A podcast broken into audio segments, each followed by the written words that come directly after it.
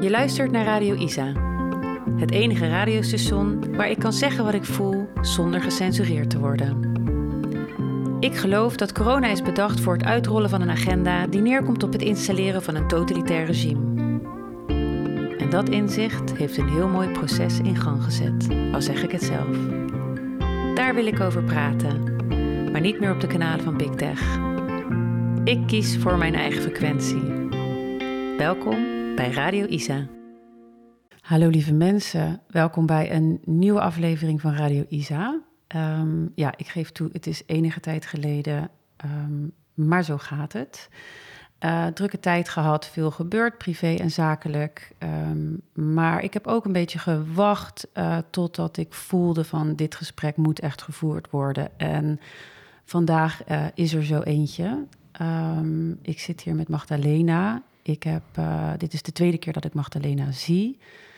En ik heb haar um, ontmoet op het strand. En um, ik liep langs en Magdalena die zei: Hey, jij bent Isa.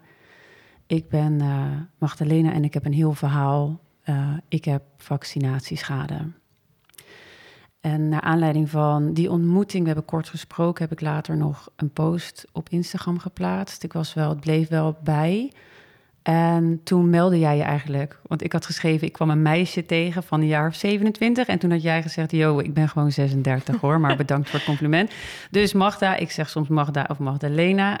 Um, dit is de tweede keer dat wij elkaar zien. Hartstikke fijn dat jij er bent. Um, ik wil gewoon, en wij uh, willen gewoon gaan praten. En ik wil vooral gewoon van jou um, hè, horen hoe het voor jou, ja, hoe het met je gaat, hoe het voor jou is.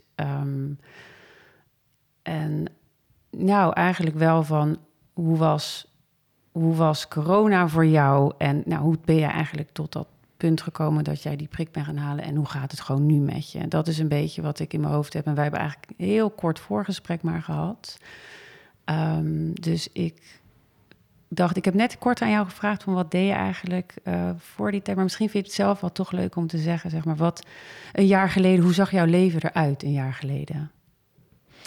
Ja, nou, ten eerste, ik vind het heel fijn dat ik mijn verhaal mag vertellen.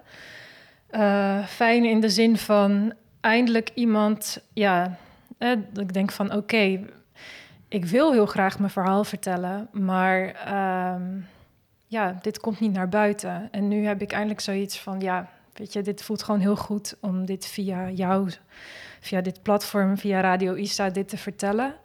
En dat we ook echt de tijd voor nemen, want ja, het uh, afgelopen jaar was gewoon hel. en uh, ja, wat ik daarvoor deed, dat was, uh, ik had gewoon een heel leuk leven.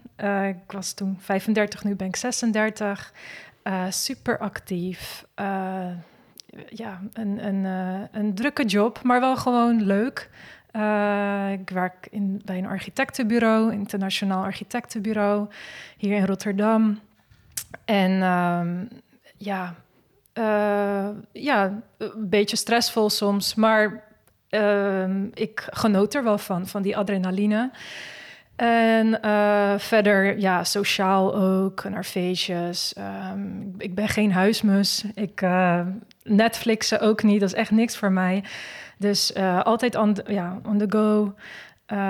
en ook een beetje een sportieve gek. Dus, ja. Wat is dat, een sportieve gek?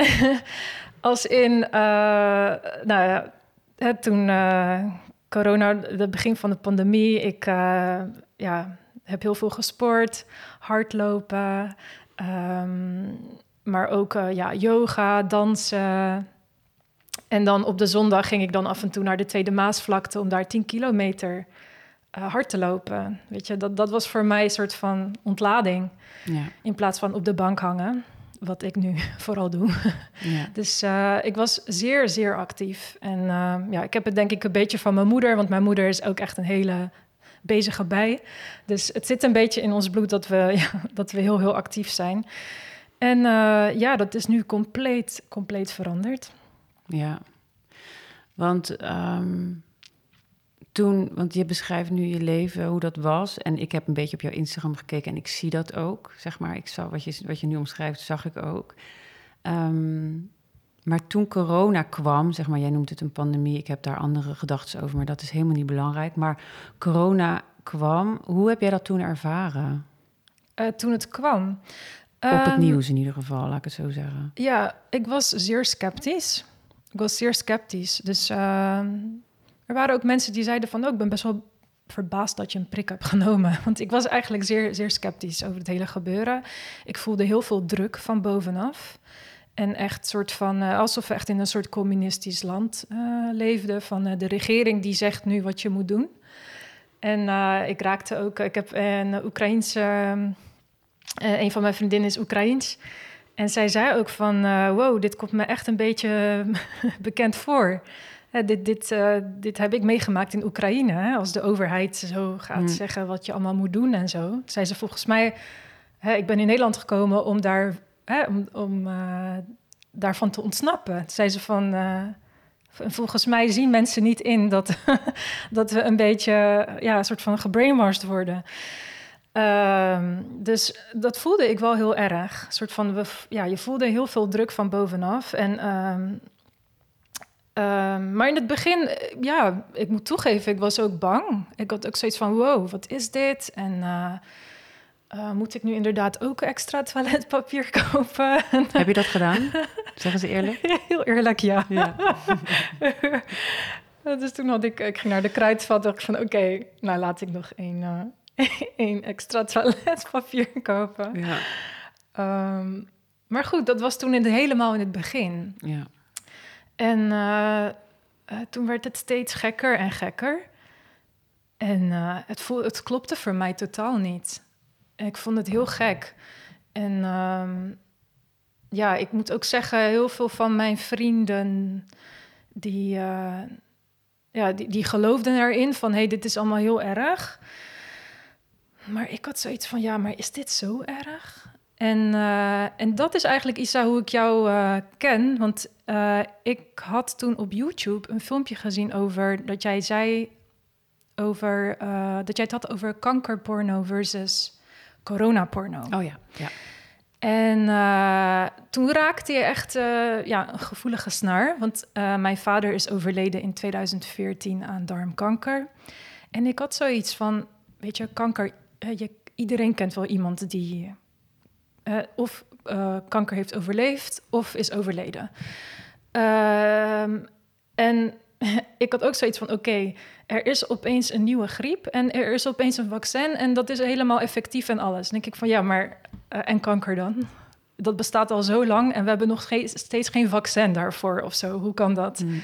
Dus dat, ja, toen uh, had ik ook zoiets van: dit is gek. Dit is heel gek dat, dat er opeens een oplossing is voor, voor zoiets. Ja. Um, zo snel al, hè? En zo snel, ja. Nou ja, en toen uh, merkte ik dus, um, het werd steeds gekker, het werd steeds gekker. En, uh, en ik moet ook zeggen, uh, mijn moeder, die werkt in een verpleeghuis, werkte, ze is nu gepensioneerd, hier in Rotterdam. En zij had toen meegemaakt wat ehm, AstraZeneca, AstraZeneca werd toen gegeven aan de meest kwetsbaren. Ja. Nou, zij hebben het dus vanaf het begin meegemaakt.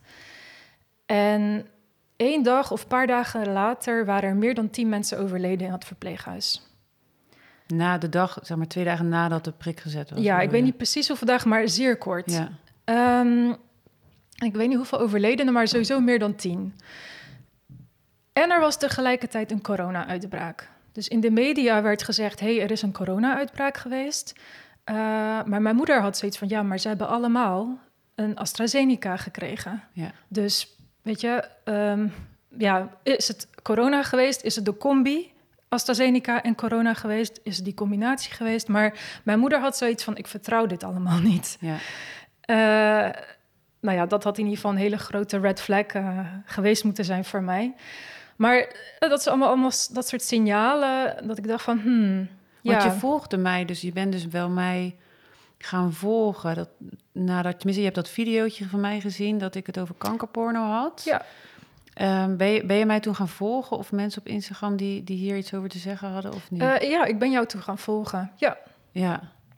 En um, Uh, niet, niet ja, gewoon af en toe. Even kijken wat ze nou weer te zeggen heeft. Ja, ja ik denk het wel. Ja. ja.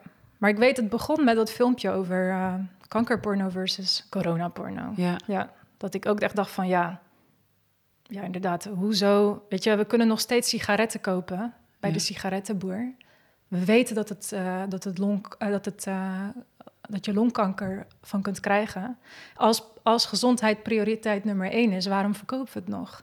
Dus ik had dat soort vragen wel continu in mijn hoofd. Ja. En toen besloot je toch de prik te nemen? Um, ja, toen... Um, nou ja, hè, ik wist in ieder geval AstraZeneca, die moet je echt niet nemen. Want ja. dat had ik ook van mijn moeder gehoord. Van uh, ik vertrouw het niet wat er is gebeurd.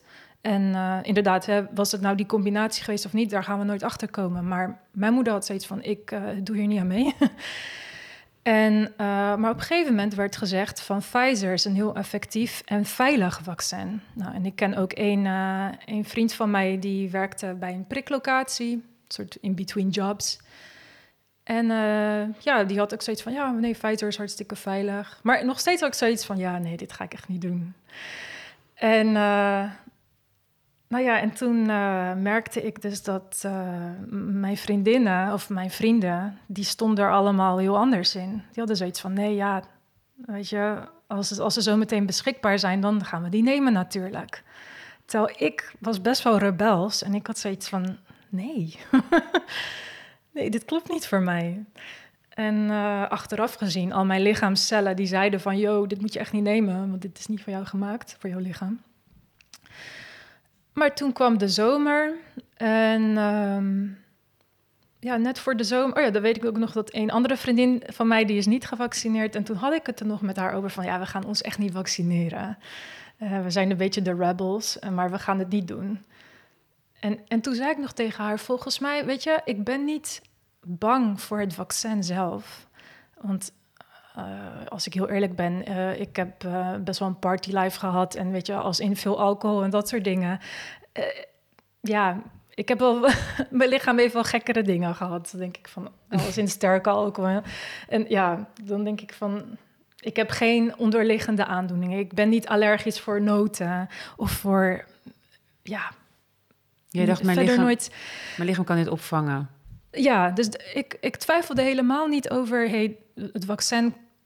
Misschien kan je inderdaad een beetje rare bijwerkingen van krijgen, maar niet dat het mij zou verwoesten. En toen zei zij nog van, ja, nou, uh, van ik heb me een beetje verdiept van, uh, nou, die vaccins zijn helemaal niet veilig, zijn niet zo veilig. En toen ik zoiets van, hmm. Maar ja, ik keek niet naar uh, bijvoorbeeld Blackbox TV of Telegram of dat soort kanalen die iets heel anders zeggen. En die, uh, dat je bijvoorbeeld uh, een, dat je ook de andere kant hoort van mensen die er heel slecht op reageren.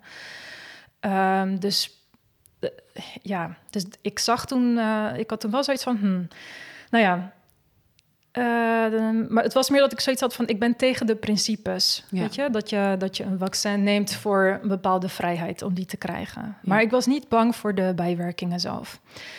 Nou, toen kwam de zomer. Toen ging ik uh, naar Kroatië.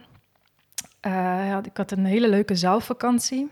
Ik was met een gezin meegegaan. Dat is een oude studiegenoot van mij. En zij hadden allemaal AstraZeneca gekregen, het vaccin. En en ik had nog niet de uitnodiging gekregen, want wij waren als Nederland best wel laat met de prikcampagne. en toen waren ze heel erg verbaasd van, oh, ben je niet gevaccineerd? Ik zei, nee, nee ik heb niet eens de uitnodiging gekregen. Nou, het was, oh, oké, nou ja. En uh, ging lekker zeilen in Kroatië. Nou, ik merkte helemaal niks van de pandemie. Oké, je moest daar in de supermarkten moest je mondkapje dragen. That's it. Dat is het enige. En iedereen was super relaxed. En uh, toen kwam ik terug en op de terugreis was ik even één dag in Graz, in Oostenrijk. Nou, in Oostenrijk is het extreme, het andere uiterste. Dat is super streng. En, uh, en ik kwam daar en ik kon niks. Als niet-gevaccineerde, ik kon uh, niet eens een... nou, ik kon een koffie to go halen, dat nog net. Maar ik kon niet even zitten buiten op het terras. En toen merkte ik van, wow, wow, dit is dus waar het heen gaat. En ook met, uh, ik had toen hotel geboekt. En toen zei ze van ja, ik heb je, je, je vaccinatiestatus nodig. En ze zei ja, die heb ik niet. En toen keek ze me ook aan van wow, hoe ben jij in godsnaam Oostenrijk binnengekomen? toen ik van ja, en toen moest ik even snel een sneltest doen. Nou oké, dat was allemaal gelukkig goed gegaan. Maar toen merkte ik van wow, dit, dit gaat, dit, uh, dit is maf. en ik voelde me echt een soort ja, tweede rangs uh, burger van ja, ik ben een helemaal. Ik hoor er, ik, ik hoor er niet bij, hè? Mm. Nou ja, toen kwam ik terug in Nederland. Dat was dus augustus, begin augustus. Uh, dus letterlijk één jaar geleden. En uh, toen begon ik heel veel druk te voelen. Uh, al mijn vrienden waren, bijna al mijn vrienden waren gevaccineerd. En dat ging allemaal goed. Geen bijwerkingen. Al mijn collega's waren gevaccineerd. Ehm, ja, ik kan me voorstellen dat sommige mensen een ander soort kring hebben. Dat, ze niet, dat je meer mensen hebt die niet gevaccineerd zijn. In dit geval, in mijn geval, heb ik meer mensen die wel gevaccineerd waren dan niet. Behalve mijn moeder dus. ja.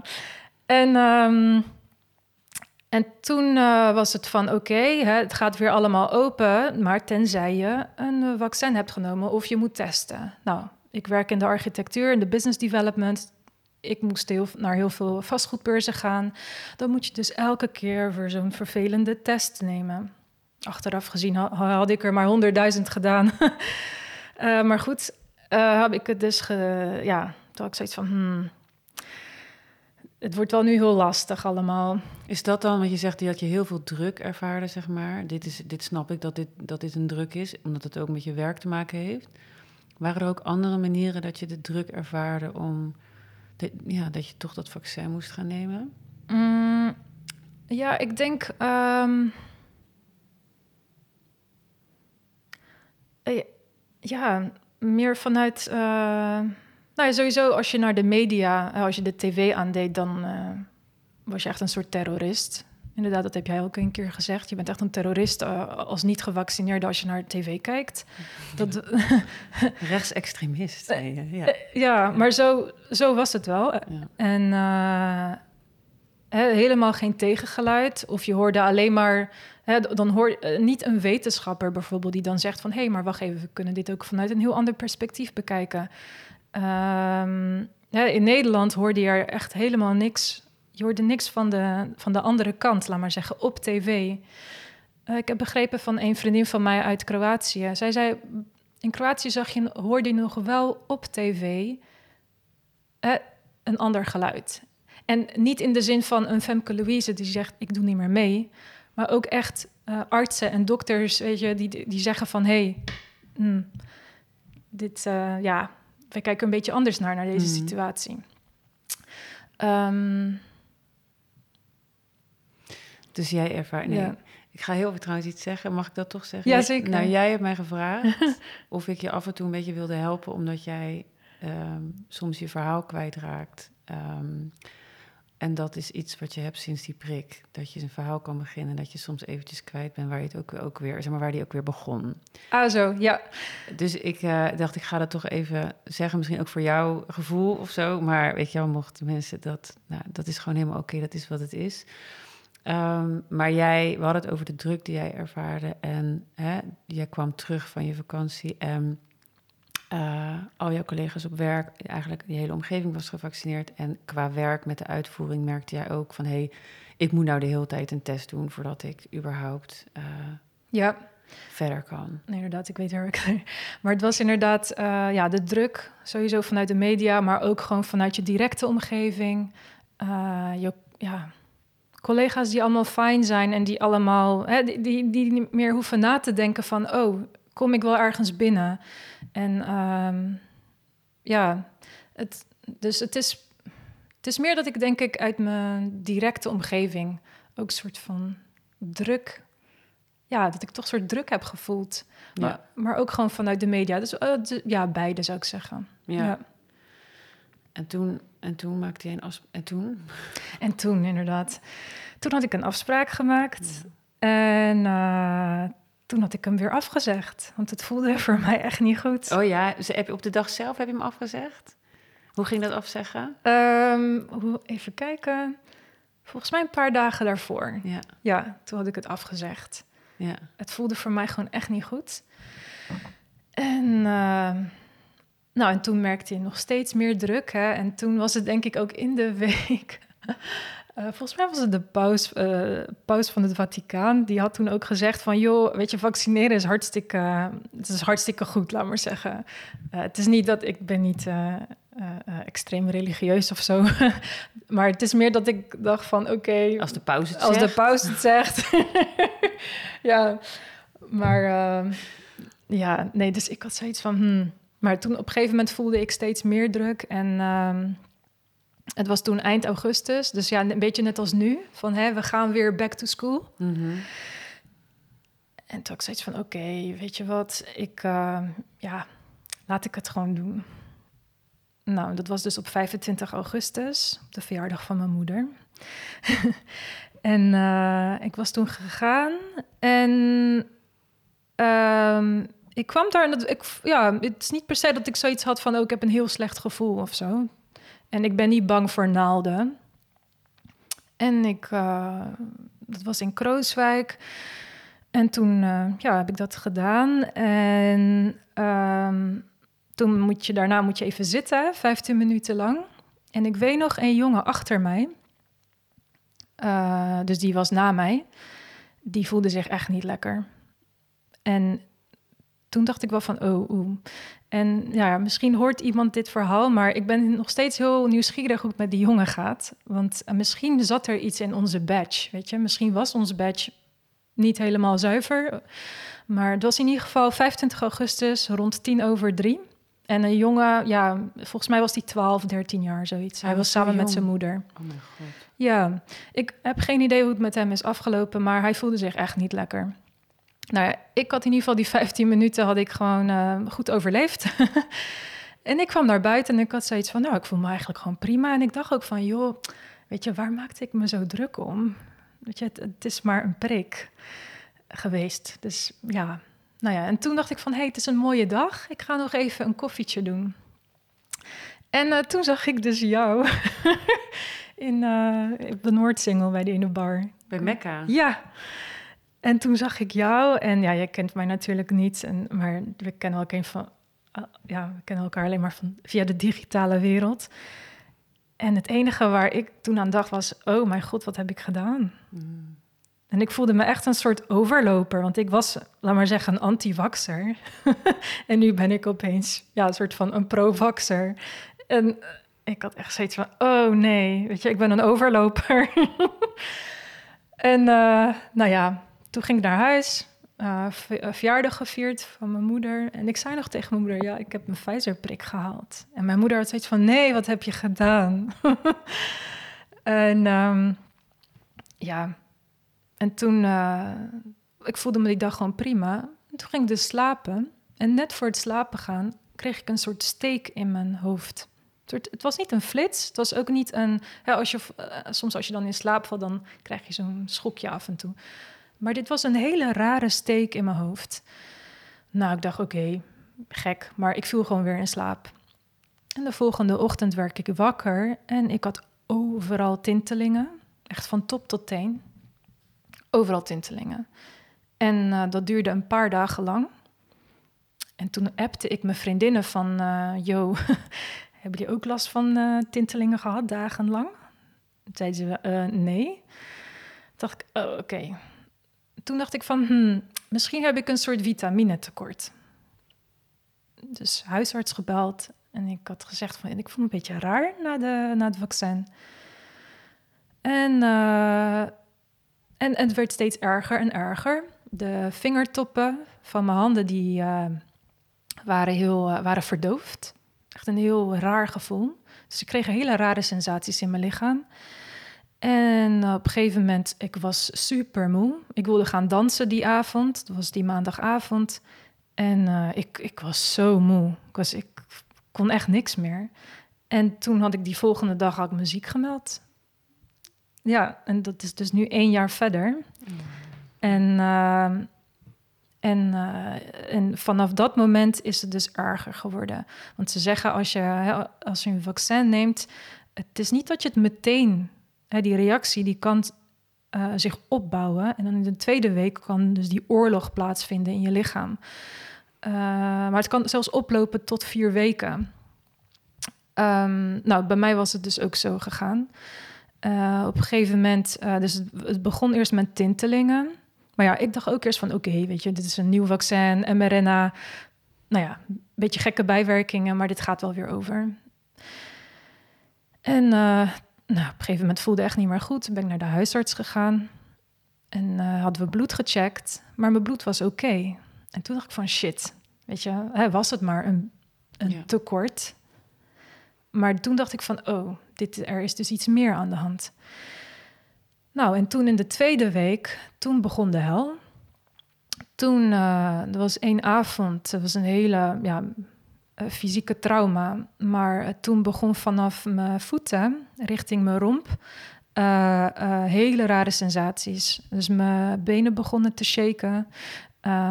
spiertrekkingen, trillingen, tremors in mijn rechterbeen.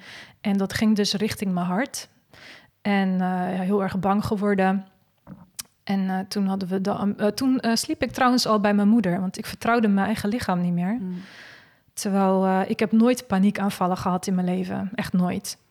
Um, en ik ben geen bang persoon. Ik ben ook, uh, weet je, alleen op vakantie geweest en zo. En uh, ik vertrouwde mijn lichaam echt niet. Dus ik sliep bij mijn moeder en ik zei tegen mijn moeder: Dit voelt echt niet goed. Dit voelt echt niet goed. Toen hadden we de ambulance gebeld. Toen was de ambulance gekomen, want mijn benen waren echt aan het spartelen. Jezus. Ja. En uh, de ambulancebroeders waren toen gekomen. En toen zeiden ze van ja, nou ja, dit ziet er een beetje uit als restless leg syndroom wat je hebt. Dus ik, oké, maar dat is toch heel gek, want ik heb dit helemaal niet. Ja, ik heb dit nog nooit gehad. Misschien heb ik af en toe een beetje van die onrustige voeten, weet je wel, maar niet benen die helemaal tekeer gaan. En toen zeiden ze van, joh, weet je, uh, ja, je moet gewoon niet zo paniekerig doen. Dat weet ik nog dat ze dat zeiden, van, dat, het, dat ze echt zoiets hadden van, volgens mij ben je gewoon een beetje, weet je, een beetje anxiety in je hoofd en zo.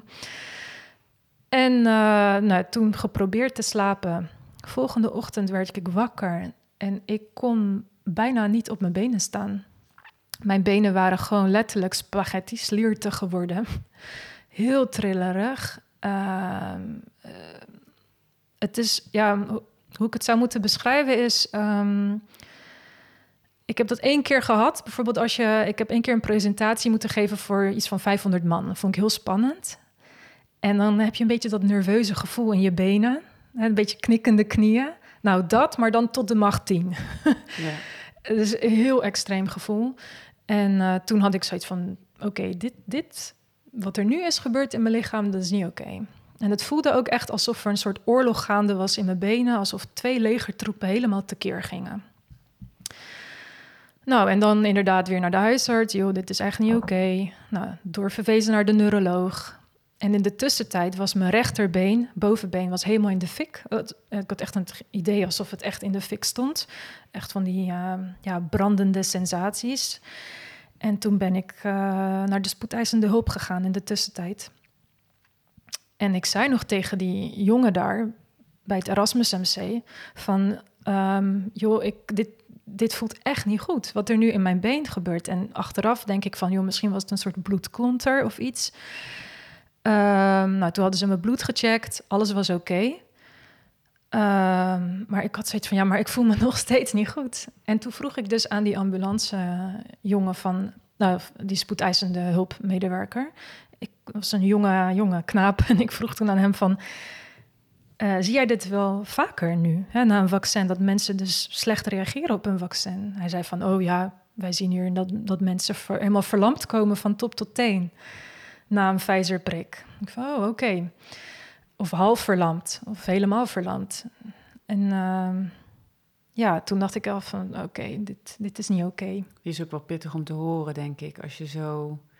En die, hè, die klachten en die sensaties voelt. En dan, je, je denkt natuurlijk al, je hebt natuurlijk zelf denk ik die link al gelegd van, oh, dat komt misschien wel door dat vaccin. En als je dan van zijn ambulance-medewerker dat hoort, dat lijkt me ook wel pittig om te ontvangen. Ja, maar het was ook een beetje een soort van.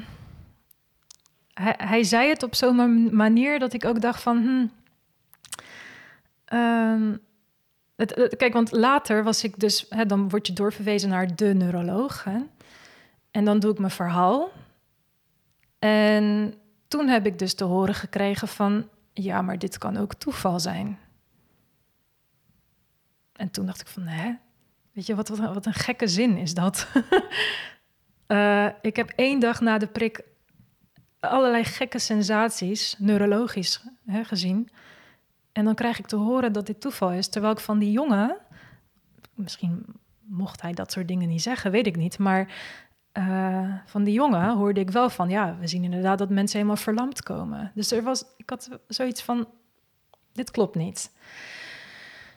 En uh, ja, bij de neuroloog ook.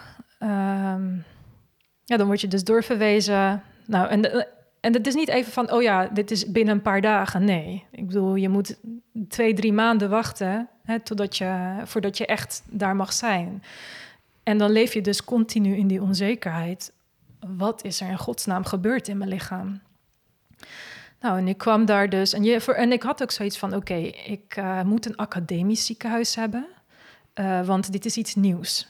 En uh, zoals mijn teamleider zei: van zorg ervoor dat je naar een academisch ziekenhuis gaat. Want uh, zij zijn op de hoogte. Dus ik had ook zoiets van, ik ging ook met de attitude naar Erasmus MC van oké, zij weten vast wel wat er is gebeurd in mijn lichaam. en ja, ze gaan misschien iets doen, misschien krijg ik een soort infuus of zo.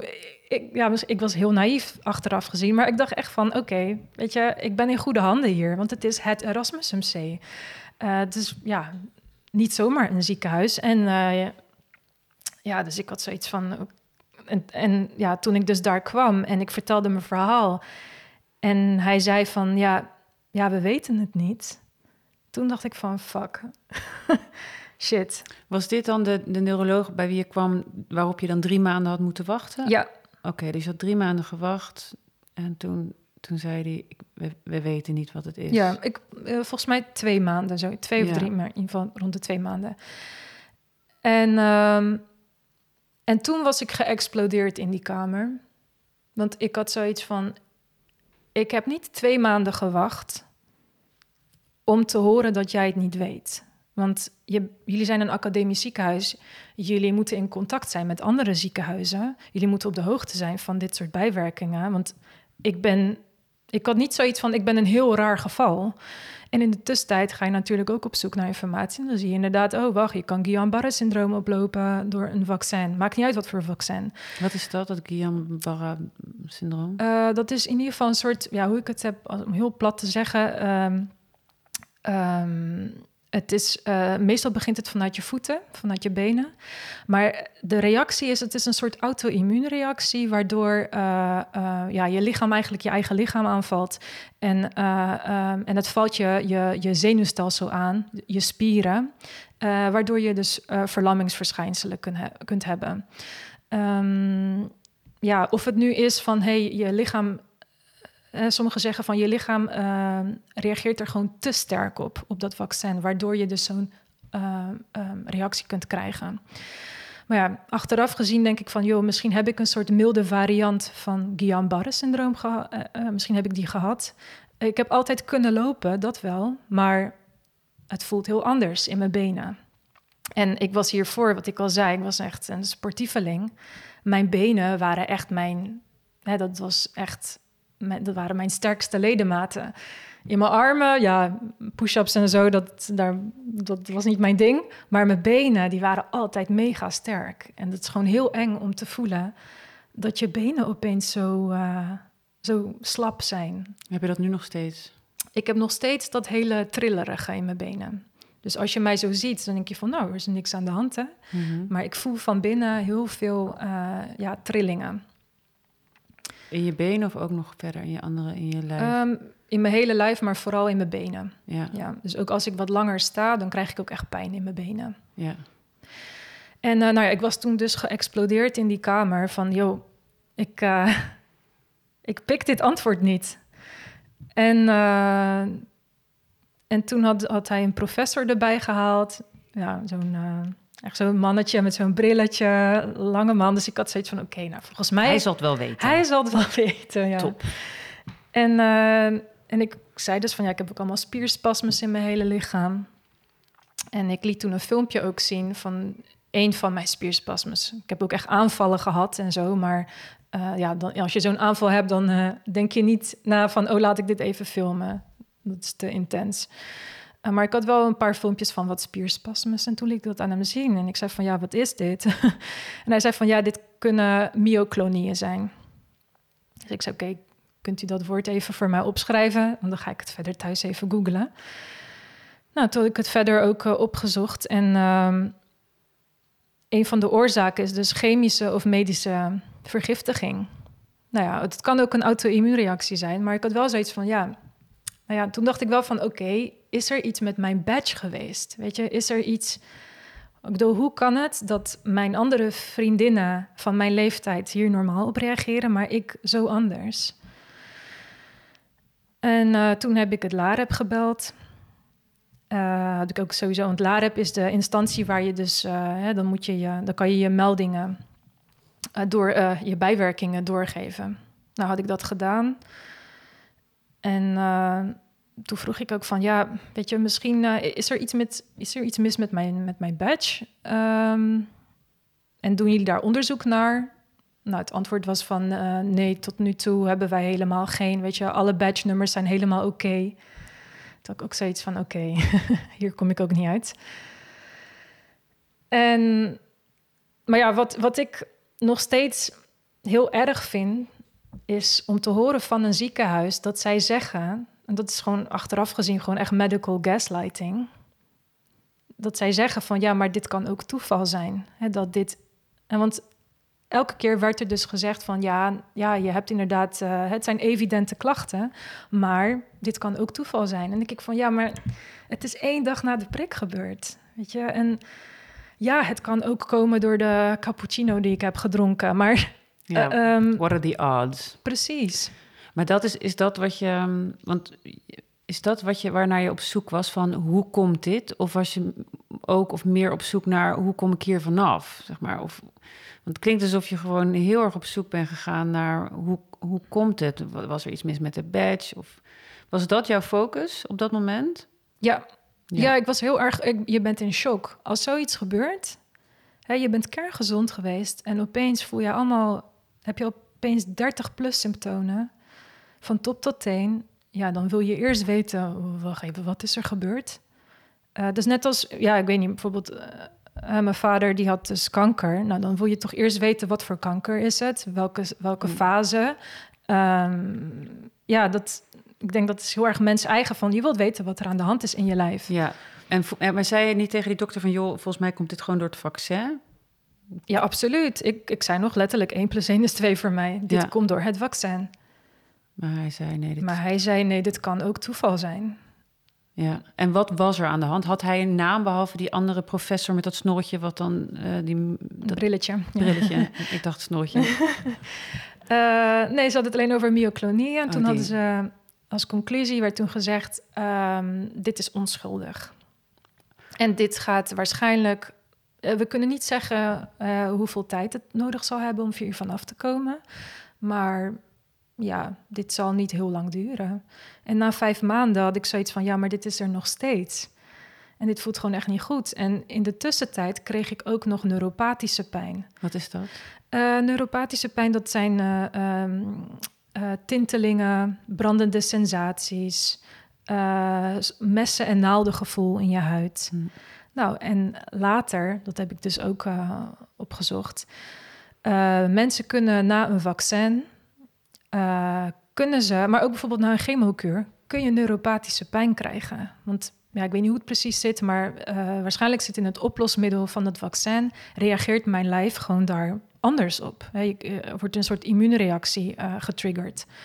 Um, waardoor je dus dat soort ja, neurologische klachten kunt krijgen.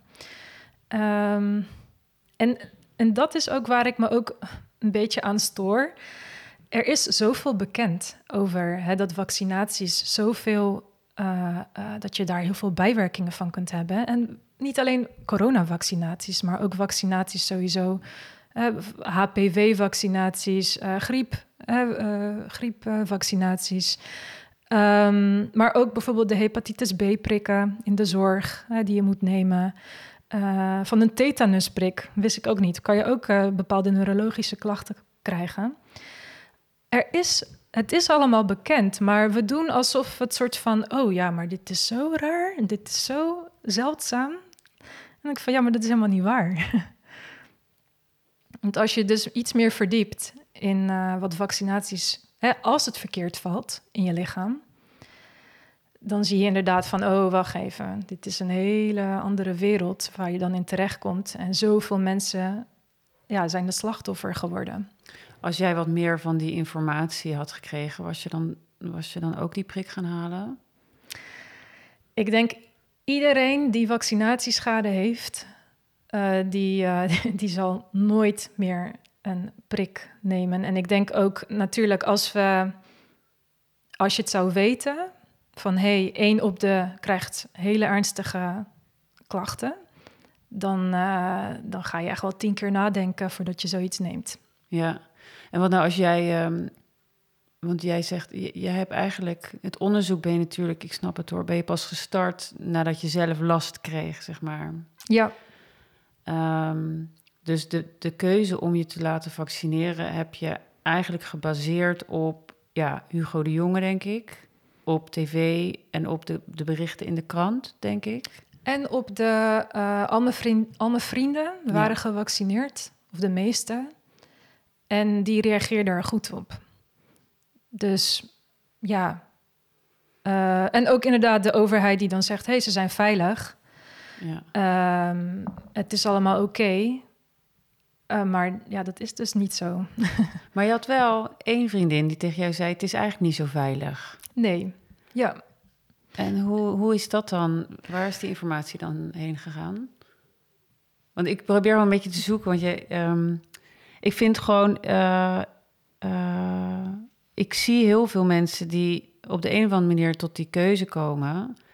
En, um, maar ook nou, er is heel veel informatie. Je kan ook zoeken, maar soms is er informatie, horen mensen dat en kiezen ze alsnog uh, voor die prik, zeg maar. ik vraag me gewoon af, stel dat jij een vriendin had gehad die jouw schade had gehad, mm had je dan, denk je, alsnog het risico genomen om die prik te nemen? Of had dat voor jou reden geweest om het niet te doen? Nee, want ik denk ook, uh, kijk, ik schreeuw al sinds augustus nu mijn verhaal. En ik weet dat ik heel veel uh, sowieso uh, mensen heb hè, die, die ook al sceptisch waren. En die tegen mij hebben gezegd: joh, door jouw verhaal ga ik het nu zeker niet nemen. Ja. Maar dan hebben ze toch iemand nodig in de directe omgeving van: um, oh ja, zie je, het is bij Magdalena verkeerd gegaan. Ja. Nee, dan ga ik het toch niet doen. Dan zat mijn gevoel dus toch goed.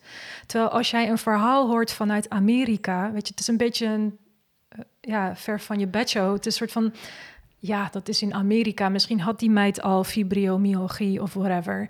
Um, maar als het echt, ja, in je directe omgeving gebeurt, dan, uh, ik denk als ja, achteraf, hè, maar ik denk dat ik dan dus wel zoiets had van, hmm, want ik heb, ik heb expres gewacht. Ja, je had dan een ehm. sceptische houding. Ja, ja. Hey, en uh, dus die, die uh, ontzettend knappe geleerde neuroloog die zei: Dit is toeval en dit gaat vanzelf over. Ja. Maar hoe ziet dan zo'n behandeling eruit? Zeggen ze dan: Kom maar terug? Of zeggen ze van: uh, Nou, bel maar als je nog steeds last hebt? Of hoe ziet zo'n behandeling er dan uit? Nou, er is geen behandeling, maar je wordt wel neurologisch onderzocht. Dus je moet op één lijn lopen. Weet je, je moet kijken naar vingers en nou ja, dat soort ze kijken wel neurologisch of, of je niet iets mankeert. Um, en uh, mijn bloed, bloed is getest en dat was allemaal oké. Maar um, verder is er geen behandeling. En um, ik had toen in december, net voor kerst, hadden we weer zo'n belafspraak. En toen kreeg ik de assistente aan de lijn. En ik zei van ja, ik heb nog steeds al die klachten en ik vind het heel eng. En toen zei ze van ja, en ik zei ook van deze vaccins zijn niet voor iedereen gemaakt, blijkbaar. Het is niet uh, voor iedereen veilig. Nou, toen had ze ook gezegd, er is een minderheid die hier slecht op reageert, maar de vaccins zijn wel veilig hoor. Um, en, En toen zei ze ook van... hey, ehm, nou ja, mocht je nog symptomen hebben, klachten hebben... dan uh, moet je dat accepteren en ermee leren leven. Oké, top, doen we. Groetjes. Nou, en toen dacht ik wel van wow... Ja. Kunnen ze dat ook niet tijdens een persconferentie zeggen? Van even een disclaimer van... joh, uh, mocht, je, mocht je toch klachten hebben of bijwerkingen, dan uh, moet je dat accepteren en ermee leren leven. Maar ze zijn verder veilig, weet je? Dan denk ik van ja, dat, uh, dat was echt. Ik, toen heb ik een klacht ingediend ook. En toen mocht ik weer op gesprek komen. Toen zei ze van ja, ik vind het heel vervelend voor je, lala. En toen heb ik weer van die neuroloog moeten horen van ja, maar dit kan ook echt toeval zijn. Maar had hij wel een diagnose? Dat... Nee. Dus hij had geen diagnose? Dus in mijn uh, notitie van het Erasmus MC staat... Hè, mijn klachten zijn evident. Hè, dat, dat, ik heb spasmus en uh, brandende sensaties, et cetera. En dan staat er een conclusie... Uh, dat dit eigenlijk... Hè, dit komt niet door de coronavaccinatie. Dat staat wel in de conclusie? Dat, ja, dat staat wel in de ah. conclusie. Ja. Want ik heb gezegd... Um, dit is één dag na, na de prik gebeurd. En het beleid is dus dat je... Ja, je, je moet het eigenlijk soort van accepteren dat je nu, hè, dat jouw lichaam hier raar op reageert. En, uh, en dat moet jouw focus nu zijn, in plaats van om, kijken naar uh, hoe je dit verder gaat behandelen, et cetera. En dat vind ik dus heel erg, dat mijn lichaam wordt dus als een error gezien. Terwijl we kunnen ook kijken naar het vaccin. Waarom is dit vaccin ook niet gemaakt voor mijn lichaam? Um, ik ben later naar een pijnkliniek geweest. En uh, dat vond ik wel mooi wat die arts zei. Hij zei van, weet je, uiteindelijk... die vaccins die worden gemaakt voor gewoon een bepaald aantal immuunsystemen. Maar er zijn zoveel immuunsystemen. Je kan niet rekening houden met allerlei soorten immuunsystemen. En dit is natuurlijk heel snel gedaan, allemaal. Uh, en ja, jij valt daar buiten. en uh, ja, je hebt, je hebt pech inderdaad dat, jou, dat dat vaccin niet gemaakt is eigenlijk voor jouw lichaam. En er heel veel zijn het er. Ik ben niet, uh, het is niet een, een, kleine minderheid. Het is best een grote minderheid. Want jij hebt best wel, uh, ja, je, bent, je hebt verteld dat je ook bent aangesloten bij verschillende Facebookgroepen of Telegram. Of in ieder geval dat je lotgenoten hebt opgezocht. Ja. Hoe ging dat? Um, ja, want je hebt zoiets van, je wilt natuurlijk antwoorden krijgen. Maar ik had wel zoiets van, oké, dit... Uh, ik ben bij het ziekenhuis ben ik uitbehandeld. Terwijl zo voelt het voor mij totaal niet. En uh, dan word je inderdaad lid. Ga je op internet kijken, word je lid van Facebookgroepen. En uh, ja, je hebt één hier in Nederland, of je hebt er meerdere hoor. van Iris de Boer. Zij is de oprichter van ernstige bijwerkingen na vaccinatie. Zij heeft hersenschade door, door het vaccin. Is echt op haar MRI te zien. Zijn witte vlekjes te zien na de prik. Uh, ze dachten eerst aan een soort MS, maar dat, dat is het niet. Maar het is wel hersenschade. En, ehm, en ja, haar verhaal is, zij had ook zoiets van, joh, ik heb, heel, ik heb hier zo gek op gereageerd. Er moeten toch wel meerdere mensen zijn, want ik was hier vorig jaar gezond. Nou, en toen zag ze dus dat er steeds meer mensen lid werden van de groep. En nu ja, zijn wij, er zijn heel veel leden. Hoeveel leden zijn er nu in die groep? Oh, dat weet ik niet. Weet ik niet. Uh, maar ja. je ziet dus naar elke campagne stromen er nog meer mensen binnen. Want ja. het is, hè, sommige mensen reageren na een eerste prikkel heftig, zoals ik. Ik heb er maar één gehad. Uh, maar dat, heeft, dat is voor mij fataal geweest. Bij sommigen is het na de tweede. Bij sommigen is het juist na de derde. Hè, naar de booster dat ze opeens een nekhernia krijgen. Um, dus je ziet uh, ja, dat het, het kan verschillend zijn. En, uh, maar ja, inderdaad, je wordt lid, je gaat dan onderzoek doen. En, uh, en uh, ja, ik ben nu heel veel in gesprek met andere mensen, andere lotgenoten. Ehm, en dat is het ook. Kijk, het, het is een minderheid wat hier slecht op reageert. Um, maar het is niet een hele, hele kleine minderheid. En de Duitse ministerie die, die heeft onderzoek naar gedaan. En zij hebben het nu over 1 op de 5000 doses leidt tot nou ja, zeer, zeer ernstige bijwerkingen. Ja, wij denken van, uh, kijk, dat is de overheid die dat zegt. Um, als wij kijken naar hier in Nederland, want in Nederland wordt geen onderzoek gedaan hè, naar, uh, naar vaccinatieschade. Dat weet ik niet, ik neem het van je aan. Um, nou ja, Iris de Boer, die heeft, uh, dus dat is die oprichter van de Facebookgroep, zij heeft alle uh, UMC's benaderd, het LARE benaderd, ministeries. Uh, van joh, weet je, er is best wel, ik zie dat er een hele grote groep is, wat hier toch echt heel verkeerd op reageert. En het is niet even, oh, wat stuipstrekkingen. Nee, echt gewoon, we hebben het hier over auto-immuunreacties. We hebben het hier over kanker opeens. We hebben het over hersenbloedingen. Hele heftige ziektes. En nu ben ik weer even de draad kwijt. ik uh, vroeg aan jij, jij zei dat er in Nederland geen onderzoek gedaan werd. Uh, en daarvoor had je het over Duitsland, dat het daar 1 op de 5000 was. En ja. dat jij het idee hebt dat het volgens mij in Nederland Volgens mij ging je zeggen wat, jij, wat jouw idee was. Ja, dus, oh ja, en toen is er dus achtergekomen van, uh, door al die antwoorden van, oh ja, maar het, het LAREB registreert alleen bijwerkingen. Dus zij doen geen onderzoek naar. We hebben een antwoord gekregen vanuit Groningen. Uh, zij hebben geen budget om dit te onderzoeken, vaccinatieschade.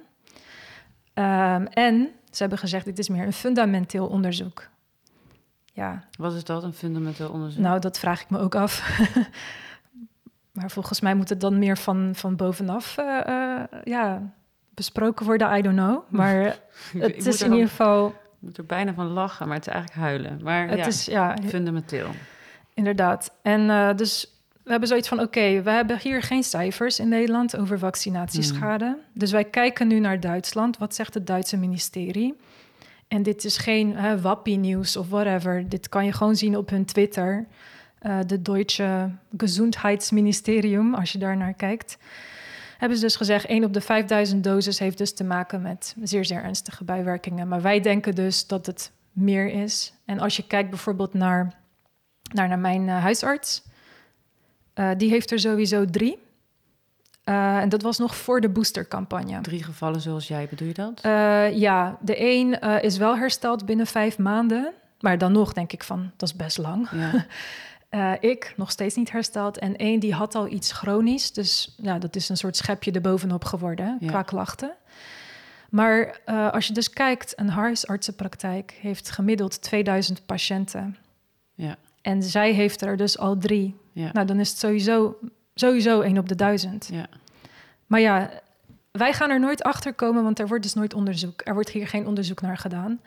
Maar als we dus een beetje naar de cijfers kijken, naar Duitsland en een beetje zelf een soort van schattingen maken, dan is het echt niet. Het is niet één op de honderdduizend. Het is niet één op de tienduizend. Het, is, ja, zoals ik al zei, het is een grotere groep. Ja, nou en het, weet je wat ik denk zelf? Um, al zet je in de krant één op de duizend, dan nog uh, gaan mensen in de rij staan uh, om die prik te halen, omdat ze zo ontzettend bang zijn gemaakt dat ze in dat geval moeten kiezen tussen een heel ernstig zogenaamd uh, coronavirus en mogelijk bijwerking, weet je wel. Dat is even een side note, maar ik denk wel dat dit soort verhalen inderdaad, waardoor je, hè, je iemand tegenover je hebt uh, die gewoon zijn of haar situatie uitlegt. Um, dat zijn dingen die tot mensen doordringen. En dat zijn juist de verhalen die ik niet lees in. Um, ja, niet dat ik dat verwacht of zo, maar in de krant of op tv. Nee. Bedoel, natuurlijk doen ze dat niet. Maar ik bedoel, dat, is, dat vind ik ook erg. Uh, ja, nou, we hadden het over crimineel, maar dat is het gewoon. Zeker, het is echt crimineel. Het is crimineel en dat. Kijk, ik noem het zelfs, het is een soort driedubbele trauma die ik heb opgelopen. En wat bedoel ik daarmee is, je eerste trauma is je gezondheid is verwoest of beschadigd. Ik heb nog de hoop dat ik ga herstellen, maar uh, dat, het maakt niet uit uh, als iemand kanker krijgt of een auto-ongeluk. Je bent in shock van wat is er gebeurd met mijn lichaam. Dus dat is sowieso een fysieke, ja, in dit geval medische trauma. Het tweede trauma is uh, je voelt je belazerd, want eh, de overheid zegt het is veilig, maar wacht even, mijn lichaam heeft hier helemaal niet goed op gereageerd. En mijn lichaam wordt als een error gezien, terwijl ik hiervoor nooit ziek was. Ik, ging nooit naar, ziek, uh, naar, naar de huisarts. Ja. Af en toe, ja, dat is het. Soms heb je een blaasontsteking of whatever, maar ik heb geen, geen nee, nooit. En dus dat is de tweede trauma. En het derde trauma is, um, is de gaslighting. Hè? Het wordt helemaal weggemoffeld. Uh, de overheid erkent het niet. Krijgen wij hulp vanuit de overheid? Nee. Terwijl als jij ons vergelijkt met long-covid-patiënten, dus patiënten die na corona, uh, heeft niks met de longen te maken, maar met lang, uh, langdurig, Engelse woord voor long, langdurig. Sommige mensen na corona, dan kunnen ze dus langdurige klachten hebben en zij krijgen dus vanuit de overheid 50 fysiotherapie-sessies vergoed. en maakt niet uit wat voor verzekering je hebt. Als ik dus zeg van hé, hey, ik heb uh, spierspasmus, whatever, spierpijn, ehm, dan krijg je ja, nul, gewoon nul uh, procent hulp vanuit de overheid, wat, wat vanuit de overheid is geregeld. Uh, maar ook de media. Hè? De media schrijft niet over ons. Um, je moet het dus echt inderdaad op de zogenaamde WAPI-kanalen moet je het, moet je het zoeken. Hè, op, op Blackbox TV kun je het verhaal horen van Lisette Verhoeven. Ja. Lisette Verhoeven is een dame die een hersenbloeding heeft gekregen na AstraZeneca. Nou, zij zou eigenlijk, hè, naar mijn mening, zou zij bij Eva Jinek moeten zijn. Zou zij op NPO haar verhaal moeten doen. Maar ja, wij, en we proberen echt, hè, we proberen echt om ons verhaal te vertellen, maar het lukt niet. Ik heb zelf Boos benaderd, uh, Eva Jinek, nou, Iris de Boer heeft ook echt van alles en nog wat, maar... Krijg je reactie als je dan bijvoorbeeld naar zo'n Boos uh, schrijft? Nee, niet eens. Nee. Ja, Gewoon niet eens een reactie. Ze zijn heel selectief boos, uh, volgens mij. ja. Um... En dat is dus de, de media. Maar je hebt ook medici dus. Dus dus gaslighting vanuit drie hoeken. Vanuit de overheid, vanuit ja, media en medici die zeggen... ja, dit kan ook toeval zijn. En hoe... Want je vertelt, het vind ik best wel uh, goed. En jij zei van tevoren, ik ben niet zo goed in uit mijn woorden komen... maar je vertelt het super helder en... Uh, maar het is, het is nogal wat. Ik word, er, ik word er zelf, zeg maar, ik voel er heel veel bij, zeg maar. Maar mm. ja, ik kan me eigenlijk niet eens indenken hoe, hoe dit allemaal voor jou is, weet je. Dus ja, dit is gewoon een, uh, een hele grote nachtmerrie. Ja. Het is gewoon echt hel, hoofdletters H-E-L. En uh, nou, heel veel mensen hebben ook zelfmoord gepleegd. Hè? Dit is vorige week, nee, niet eens vorige week. Twee dagen geleden heeft een jongen in de Verenigde, Verenigd Koninkrijk zelfmoord gepleegd. Ehm, en ja, dat is heel erg. Ja. Maar is het dan iemand die in die groep zit, met wie jullie dan in contact staan, dat je dat weet? Ja, en ehm, ja, en, maar het is ook mensen raken in depressie. Um, sowieso posttraumatische stress. Um, het is heel heftig en je krijgt geen hulp. En ja, en de onzekerheid. Hè? Wat, ze hebben het over hoe lange termijn effecten. Maar ja, oké, als jij helemaal, laat maar zeggen, goed hebt gereageerd op het vaccin, ja, dan dan nog weet je niet wat zal het doen over twee jaar. Maar als jij nu al zoveel klachten hebt, wat gaat dit betekenen voor de lange termijn? Ja. Nou ja, als je daar te veel over nadenkt, word je helemaal gek. Dus je moet wel gewoon positief blijven. Ja. Maar uh, het, is, ja, het is heel eng, ja. Want jij vertelde, jij kwam hier aan en zei: Hoe gaat het met je? En zei: Nou, ik heb gelukkig nu uh, een wat betere nacht gehad. Ja. Uh, want jij vertelde dat je ook uh, ik wil even de goede woorden gebruiken, maar zijn nou gewoon slaapstoornis? Ja. Kan je daar iets over vertellen? Ja, het is echt insomnia. Um, het is, ja, kijk, mijn zenuwstelsel, er is neurologisch iets gebeurd in mijn lichaam. En mijn lichaam... Dus heb je één seconde? Ja. Dat is mijn kat, die komt altijd de boel verstieren. Wacht even.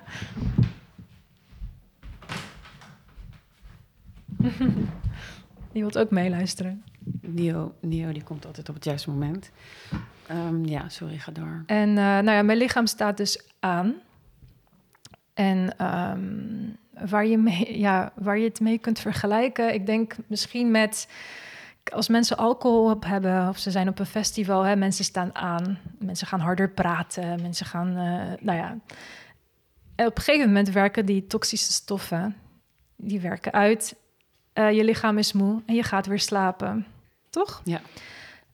Wat bij mij is, ik sta aan, maar dan without the fun part. en die aan- en uitschakelaar is gewoon stuk in mijn hoofd. Dus ik wil wel slapen, maar mijn lichaam zegt de hele tijd: nee, je moet aanblijven. Hè? Er is gevaar. Dus dat noemen ze ook wel de fight-flight mode. Mm.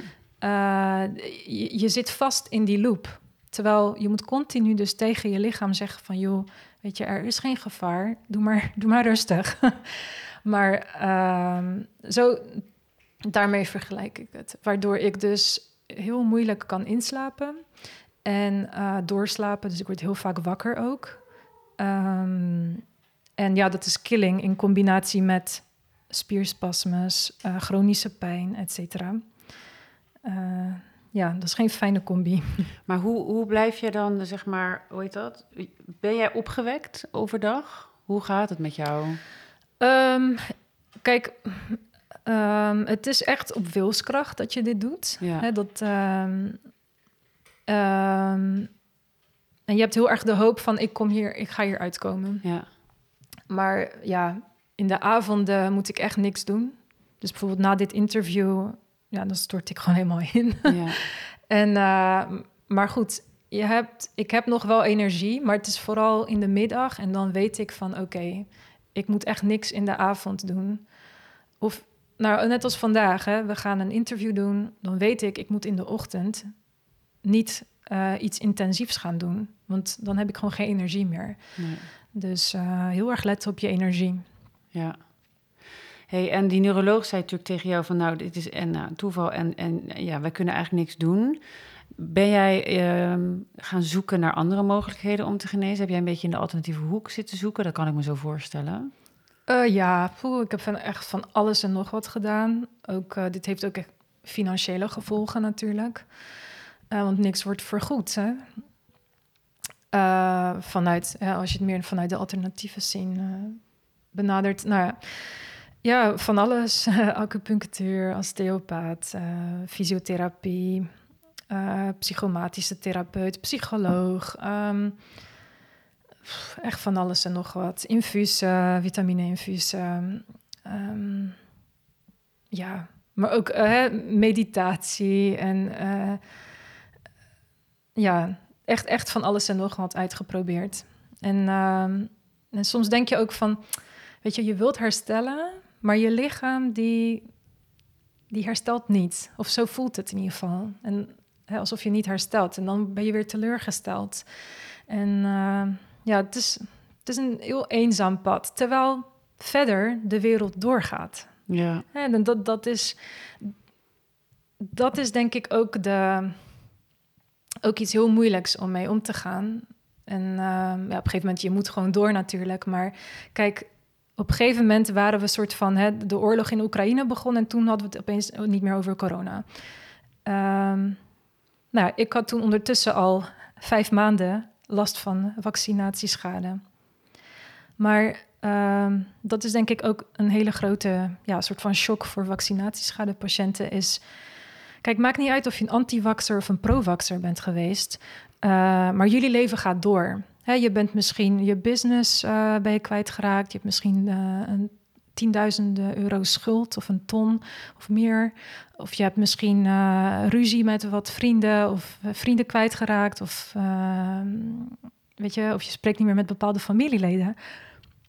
Maar jullie leven gaat door. Je kan weer een nieuwe business starten. Je kan weer nieuwe vrienden maken. Je kan het weer bijleggen met je familieleden. Je kan weer samen op vakantie gaan. En je kan weer nu naar festivals gaan, et cetera. Maar wij zitten soort van vast in die permanente lockdown. Hmm. Het is... Uh, alles is open, maar wij zitten soort van gevangen in dat tijdperk.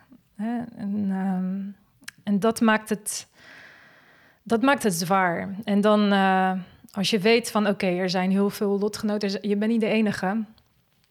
En uh, ik denk ook als je uh, prikschade hebt, is zoek ook lotgenoten op. Want dat helpt ook hè, voor je herstel, zou ik zeggen. Want dan mentaal ook. Van hé, hey, je, bent, je bent echt niet de enige. En mensen proberen van alles en nog wat uit. En uh, sommige dingen werken heel goed. Bijvoorbeeld bepaalde supplementen kunnen heel goed zijn voor je neuropathische pijn. Uh, dus ja, je moet, het, uh, je moet het ook echt hebben van die groepen en eh, kijken wat. En, en weer, hè, voor de een werkt het wel, voor de ander weer niet. Dus het is ook heel erg een soort van uitproberen. Maar jullie zijn het gewoon allemaal zelf met elkaar aan het uitzoeken. ja, ja. En, en jullie delen dan met elkaar van dit werkte bij mij wel, dit werkte bij mij niet. Sterker nog, neurologen uh, die vragen ook aan vaccinatieschadepatiënten wat werkt. Wat, hè, wat, wat werkt bij jou en wat niet. Ja, dus het is een soort. Dan denk je van oké, dat, ver, dat verwacht je niet. Je denkt juist van oké, je gaat naar het ziekenhuis. Zij, uh, ze fixen me wel. maar ja. ja. in dit geval vragen zij dan aan, aan ons van hey, hoe, hoe, hoe werkt uh, hyperbare zuurstoftherapie? Ben je daar beter uh, van geworden of niet? Heb jij dat geprobeerd, hyperbare zuurstoftherapie? ja, drie keer in Zutphen. Um, Even voor de luisteraar, ik weet dat heel toevallig, maar dat is oh. dat je in zo'n soort tank gaat en dan wordt de druk op de manier zo opgevoerd dat het lijkt alsof je heel diep onder de zee zit, toch? Ja. Een beetje zo heel kneuterig gezegd. Ja. En dat, ik, ik dacht dat het goed was voor ook bepaalde heling van bepaalde open wonden en zo. Ja. het is een bepaalde therapie, maar jij hebt dat dus ook gedaan. Ja. En hoe heb je, dat, heb je daar iets van ervaren dat het gunstig uh, was? Voor mij werkte het niet. Maar het werkt, wat ik heb begrepen, heel goed voor mensen die uh, meer, ja, het heet POTS, POTS-syndroom. Als ze meer dat soort klachten hebben.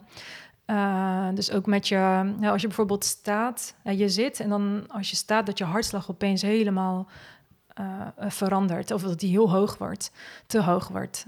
ik heb begrepen dat dat soort patiënten dat dan fijn werkt. Maar met mijn neuropathische klachten, ehm, nee, helaas.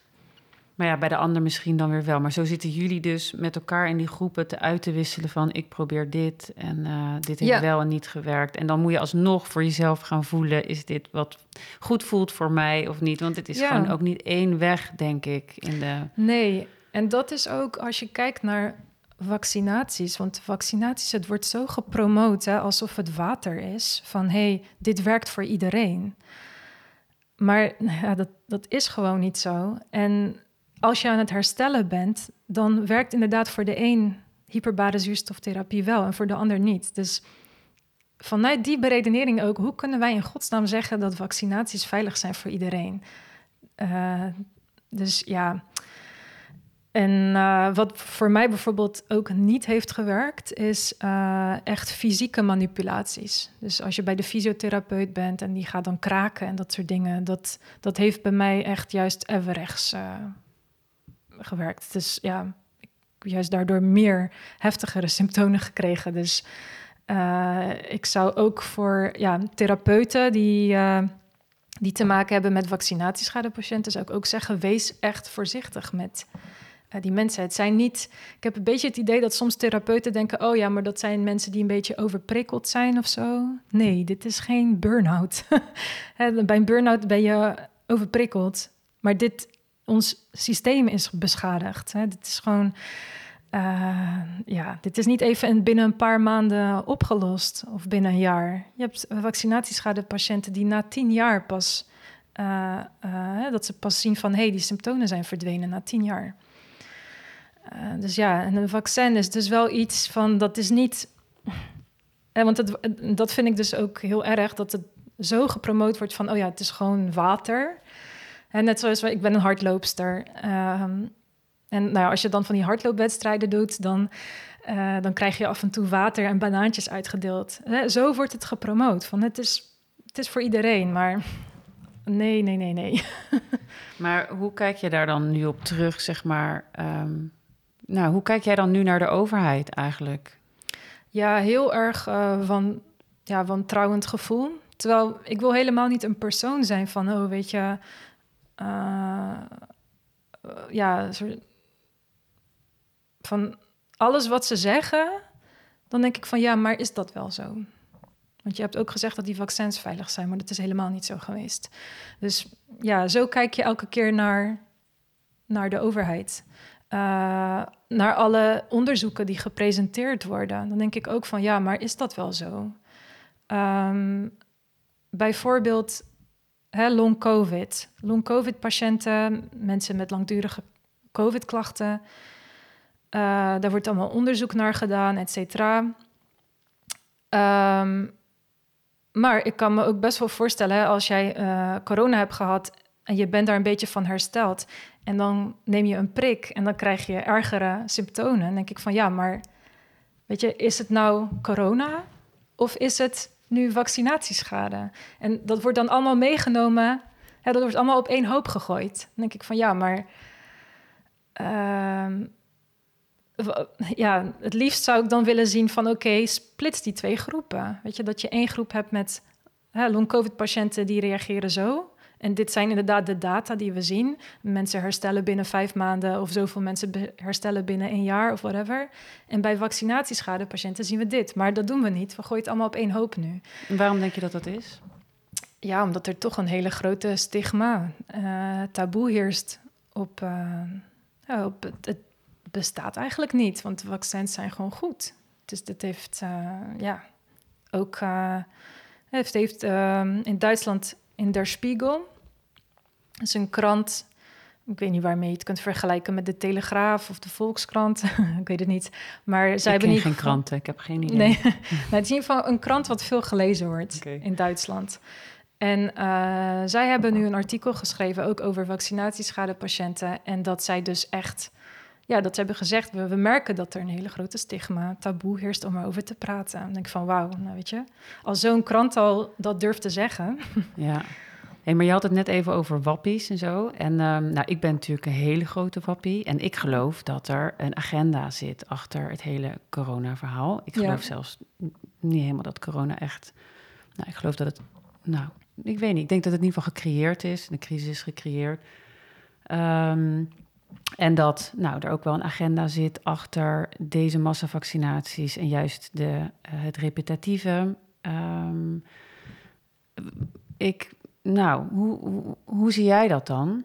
Want je weet volgens mij hoe ik erin zit. Uh, en heb, jij, heb jij zoiets van, ja, agenda zou kunnen, maar ik heb er even geen tijd voor om dat allemaal te onderzoeken? Of hoe, hoe, zie, hoe kijk jij daar tegenaan? Neem aan dat je alle mm. complotten wel voorbij hebt zien komen, als je mij een beetje ja. Um, ik, uh, ja, ik ontken corona niet.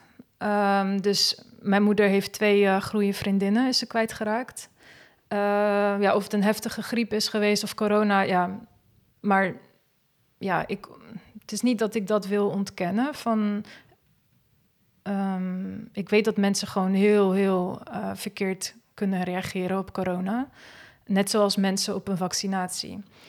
Um, maar ik denk wel dat hele gedoe met dat QR-code en uh, dat je opeens een groen vinkje krijgt om naar een restaurant te gaan, ja, dat, dat is daar, dan denk ik wel van, hmm, weet je, en dat moet ik dan denken aan inderdaad China, dat systeem wat ze daar hebben. Uh, je moet bepaalde dingen doen om een goede burger te zijn. En dat kan heel ver gaan. En dat, dat vind ik heel eng. Ja. ja en het lijkt er wel op dat we een beetje nou ja, niet een beetje, maar dat we die kant op gaan. Ja, ja, dat is, ja. hey, en um, hoe, hoe zie jij nu, zeg maar, een beetje jouw toekomst? Hoe leef jij nu en hoe, hoe ga jij naar morgen en naar volgende week en naar volgende maand toe? Nou, ik denk, ik denk sowieso niet in weken of maanden. Ik uh, leef echt per dag. Zoals ik al zei, soms slaap ik vier uur, soms drie uur. Soms als ik geluk heb, vijf uur. Um, maar soms uh, ja, maar één uur of ja, het kan zo verschillend zijn. Dus ik kijk per dag hoeveel energie ik heb. Dus ook met vriendinnen, als we iets afspreken of zo, ja, dan. Ik, ik zeg nooit van, oh ja, dan ben ik er. Maar dan zeg ik altijd van, oké, ik zie het wel op die dag. En um, dus ik leef echt per dag, want het is. Uh, je hebt ook maar energie om uh, zoveel energie om het uh, per dag aan te kijken.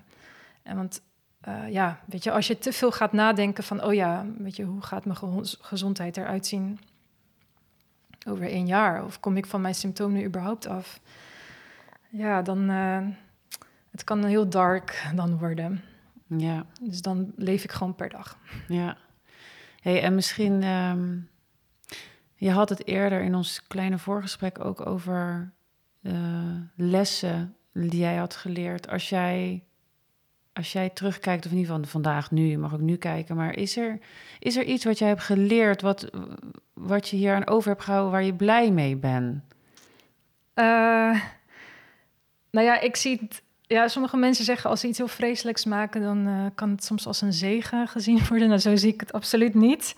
Ik zie het meer als een soort trauma. Ja. En uh, dit, dit mag gewoon. Ja, ik heb zoiets van ik ja, dit mag gewoon niet meer gebeuren. Dat is meer wat ik, ja, wat ik wil overbrengen van dit, dit is niet oké. en uh, nou ja, wat ik wel heb geleerd is, um, je moet niemand op een voetstuk plaatsen. Dat is wat ik heb geleerd. De overheid niet. Als de overheid zegt van, joh, dit is goed voor je, maar jouw gevoel zegt nee. Um, ja, maar ook niet therapeuten die zeggen van, joh, trust me, weet je, dit, uh, dit, dit, is goed voor je om, uh, om, om dit soort behandelingen te doen op dit moment. Maar jouw gevoel zegt nee. Dan moet je daar echt naar luisteren. En uh, of je vrienden of whatever, weet je, collega's om je heen die, die misschien zo'n mening hebben. En misschien hebben zij een, ik zeg maar wat, hè, misschien een, een topfunctie of uh, ze wonen in een villa of whatever, maar dat maakt allemaal niet uit. Dat maakt allemaal niet uit. Ja, je, je hoeft, moet echt niemand op een voetstuk plaatsen. En ik denk ook, nou, mijn moeder bijvoorbeeld, zij is hartstikke religieus, dus half Pools. de Poolse mensen zijn heel religieus. Maar zelfs zij had zoiets van, ja, weet je, de paus kan wel zeggen hè, van de Vaticaan dat je moet vaccineren, maar ik ga dit niet doen. En dan denk ik van, ja, weet je, zelfs zo'n iemand die zo religieus is, die dan zoiets heeft van nee. Maar ja, hij kan het ook gewoon verkeerd hebben. Zelf nadenken. Zelf nadenken, ja. ja. Ja, die voel ik ook. Ja. En uh, ja, en ja, en wat ik nog steeds heel erg heb is um, hoe de overheid hiermee omgaat. Ja. Dat vind ik nog steeds echt. Dat ik denk van Um, kijk, ik wil niet gezien worden als een soort pechvogel. Van, oh ja, weet je, eh, wat ik al zei, van, oh ja, je lichaam is, jouw lichaam reageert er gewoon anders op. Dus jij, jij wordt gezien als een soort error. Um, de overheid wist dat, hè, zij wisten al van andere vaccinatiecampagnes, dat mensen zo slecht kunnen reageren op een vaccin. Daar moeten jullie iets mee doen. Jullie moeten daarop voorbereid zijn als jullie zoiets uitrollen. Van, hé, hey, wacht even. Dus iets van een zorgprotocol bedenken. Van hey, weet je, als er mensen zijn die er verkeerd op reageren, dan, gaan we, dan kunnen we misschien dit aanbieden of dat. Of, maar helemaal niets. En dan denk ik van nee, dit, dit moet echt anders. Dit moet echt anders. Ik weet niet of ik daar iets in kan doen, maar ik heb wel heel erg zoiets van dit, dit moet anders. En, Is dat de reden waarom je hier je verhaal doet bij mij? Um, ja, ik vind sowieso, uh, omdat wij best wel nou, behoorlijk weggemoffeld worden, heb ik zoiets van: dit moet echt dit, ja, we moeten echt gehoord worden. En uh, als jij hoort, uh, bijvoorbeeld een Iris de Boer, die heeft uiteindelijk een antwoord gekregen van het ministerie van Volksgezondheid, Welzijn en Sport. Ze heeft uiteindelijk een antwoord, want zij is echt van kastje naar muur gestuurd. Hè? Van uh, LAREP naar GGD, naar WHO en uh, al die instanties. En uiteindelijk heeft ze dus een antwoord gekregen van de overheid van... ja, maar je neemt uiteindelijk een prik op eigen risico. Mm. En nou ja, hè, mocht je een uh, kort geding willen aanspannen, dan zien we dat wel. Dan denk ik van wow, dat, is, dat is best wel harde taal. Uh, terwijl je verwacht juist dat een overheid dan zou zeggen van... hé, hey, weet je, we gaan meedenken. We, gaan, we hebben het... Ja, het, het is heel jammer dat er dus een minderheid hier er slecht op reageert... maar we gaan met jullie meedenken. We gaan ook bijvoorbeeld, ik zeg maar wat jullie krijgen 50 fysiotherapie-sessies vergoed. Of, en dan denk ik van, ja, dat, dat kan echt wel veel beter worden. Je hebt nu een uh, platform dat heet C-Support. Dat is eigenlijk voor long-covid-patiënten bedoeld, maar nu ook voor vaccinatieschadepatiënten. En dan kan je je ook daar aanmelden. Kunnen ze ook wat als advies geven. Maar that's it. That's it op dit moment. En uh, ja, ik, uh, ja, ik wil er zeker iets meer mee doen. Ja. Nou ja, ik zag op je Instagram dat je, je deelt er best wel wat over op je Instagram. Ik vind het ook best wel moedig van je, eerlijk gezegd. Uh, en uh, nou, je hebt dan hier je verhaal gedaan. Ik moet toch nog even iets zeggen. Ik vind het wel bijzonder ook dat wij met elkaar in gesprek zijn. Um, kijk, je zegt best wel allemaal dingen waar ik heel anders over denk. Hè? Mm -hmm. Um, maar, en ik, maar ik laat het wel expres gaan, want daar gaat het gewoon even niet om. Weet je? En dan bedoel ik long covid, corona wel of niet, uh, weet je wel, en overheid, ja, ik heb daar hele uitgesproken ideeën over waarom de overheid dit doet, maar ik voel gewoon nu dat dat even niet belangrijk is. Mhm. Ik vind het gewoon fijn dat jij even gewoon dit hebt kunnen vertellen. Ja, Uh, ik hoop dat je voelt nou, dat je de ruimte hebt gekregen om alles te vertellen. Anders moet je straks mij onderbreken en dan ga je Ja. gewoon lekker er doorheen lullen. Maar ehm, ja, ik, ik voel gewoon dat dit belangrijk is om dit eh, aan mensen te laten horen. Gewoon, ja, dit, wat er is gebeurd, wat jou heeft toe bewogen om die prik te nemen. Het is een heel realistisch en normaal doorsnee beeld wat je eigenlijk schetst ja, van een jonge vrouw die fit is en eh, waarvan de, iedereen in de omgeving gevaccineerd is. En dan je denkt, nou, hop, prik erin. En je bent nog bijna opgelucht ook als die prik erin zit. Want je denkt, nou, was dit het nou? Nou zijn we er vanaf, zeg maar. En Mhm. dan, dan begint er eh, bij jou een hel. En ja, er zijn, dat weet ik, er zijn heel veel... eh, ook nog eens een vlieg hier, schitterend. Er zijn heel veel slachtoffers van vaccinatieschade. ja, Er zijn er heel veel. En er zijn er heel veel waarvan niet bekend is dat het door de vaccinaties komt. klopt. ja. Ehm, ik bedoel, jij krijgt ook niet te horen, hè? dit komt door je vaccin. Nee, Jij voelt zelf tot in je vezels, dit komt door het vaccin. En dat vertel jij duizend procent. duizend procent. Maar er is geen enkele dokter die dat op gaat schrijven. En er is geen enkele krant die dat op gaat schrijven. En zo zijn er ook heel veel kindjes die, terwijl ze een paar weken zijn en tot hun eh, derde, vierde levensjaar helemaal vol worden gespoten met vaccinaties, die later eh, chronische ziekte hebben. Maar dat, weet je, Ja. het is niet bekend en er is ontzettend veel vaccinatieleed. Dat Ja. is er. En eh, wat dat betreft voel ik ook wel, eh, nou, niet zeggen missie of zo, maar ik denk, ja man, ik ben blij dat je dit bij mij wilde vertellen. Want als ik hieraan kan bijdragen dat jouw verhaal gewoon op een soort zuivere, rustige manier in de essentie naar buiten kan worden gebracht, dan ben ik blij dat ik daaraan kan bijdragen. Ja, nee, dit doet zoveel met me dat je gewoon inderdaad eindelijk je verhaal kunt vertellen. En dat is ook wat ik wil zeggen, is kijk, ehm, mensen die vaccinatieschade hebben, die, ja, die zitten, laat maar zeggen, in een soort hoek. en wat belangrijk is, hè, je, je wordt soort van aangevallen. Je hebt, eh, laat maar zeggen, als we heel even in hoekjes denken, maar gewoon heel plat. Mag, soms mag het. Soms wel. Maar je hebt dan pro-vaxxers die denken van... joh, ja, maar ik heb er drie gehad en eh, ik heb helemaal geen problemen. Weet je, man up, get over this. Of, nou ja... Of je hebt, laat maar zeggen, anti-vaxxers... eh, die dan heel, heel eh, extreem zijn... en dan zeggen van, joh, oh, weet je... eh, dom schaap en dat soort dingen. En een soort van told you so, weet je. Ja, oké, maar... Uh, het wordt heel hard. En dat is wat ik merk ook op Facebook en dat soort uh, in die groepen ook. Terwijl je wilt juist, hè, mensen willen, als jij wil dat die mensen hun verhaal willen doen. Uh, als mensen die mensen juist nog meer in de hoek duwen, dan gaan mensen hun verhaal niet meer doen. Dan hebben ze zoiets van, joh, laat maar. Want die reacties, ik word, ja, ik word er niet happier van. Nee. Terwijl als ze een beetje meer samen luisteren van... hé, hey, wacht even, er zijn dus mensen die hier heel slecht op reageren.